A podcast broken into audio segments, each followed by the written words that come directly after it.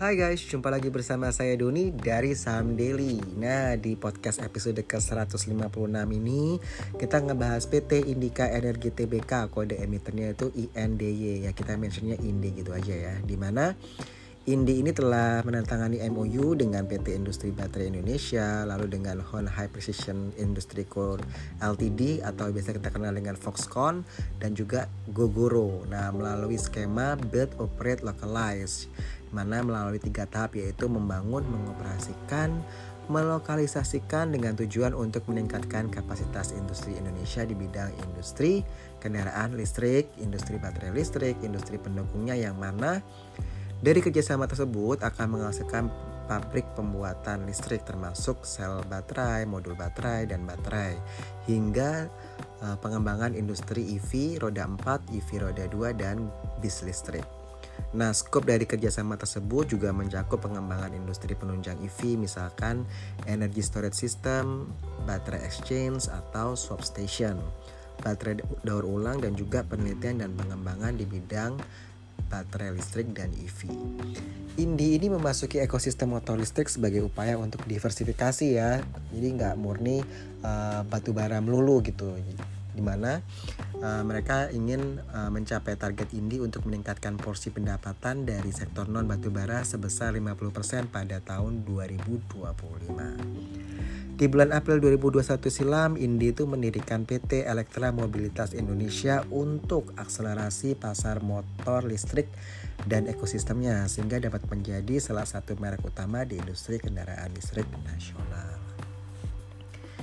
Indi sendiri hampir merampungkan pembangkit listrik tenaga uap Cirebon 2 yang menelan biaya investasi senilai 2,1 miliar US dollar yang direncanakan akan beroperasi tahun ini. Saat ini PLTU Cirebon 2 ini masih dalam tahap commissioning.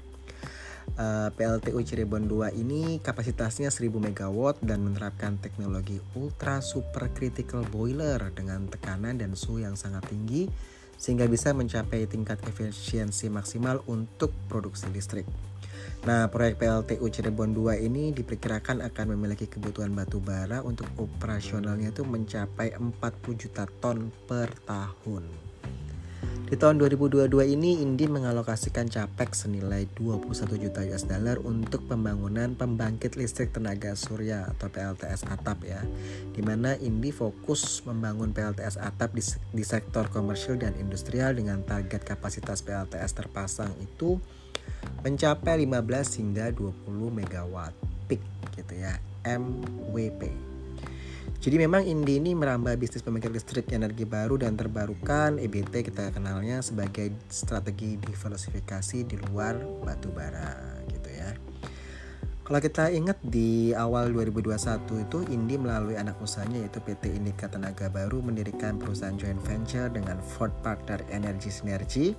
Itu merupakan entitas usaha dari Ford Partner Energy uh, yang namanya itu PT 4 Mitra Indika Tenaga Surya atau EMITS gitu ya. Dengan tujuan dan kegiatan EMITS ini untuk mencakup proyek tenaga surya, jasa konsultasi, konstruksi bangunan, operation dan maintenance uh, instalasi listrik, penyewaan pembangkit listrik dan kegiatan independent power producer PLTS. Nah, perusahaan patungan ini diharapkan di tahun 2025 itu memiliki proyek pembangkit listrik berkapasitas 500 MW peak sehingga dibutuhkan capex-nya itu sebesar 250 hingga 350 juta USD dan diharapkan pada tahun 2025 joint venture ini berkontribusi sebesar 271 juta US dollar gitu. Jadi menarik untuk Indi ya kemarin kalau kita perhatikan memang uh, harga saham Indi uh, sempat uh, naik ya dikarenakan berita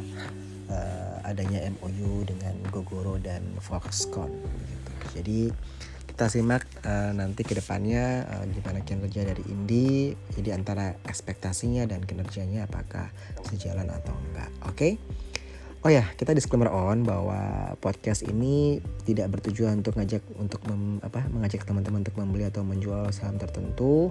Jadi kembali keputusan investasi sepenuhnya ada di tangan teman-teman.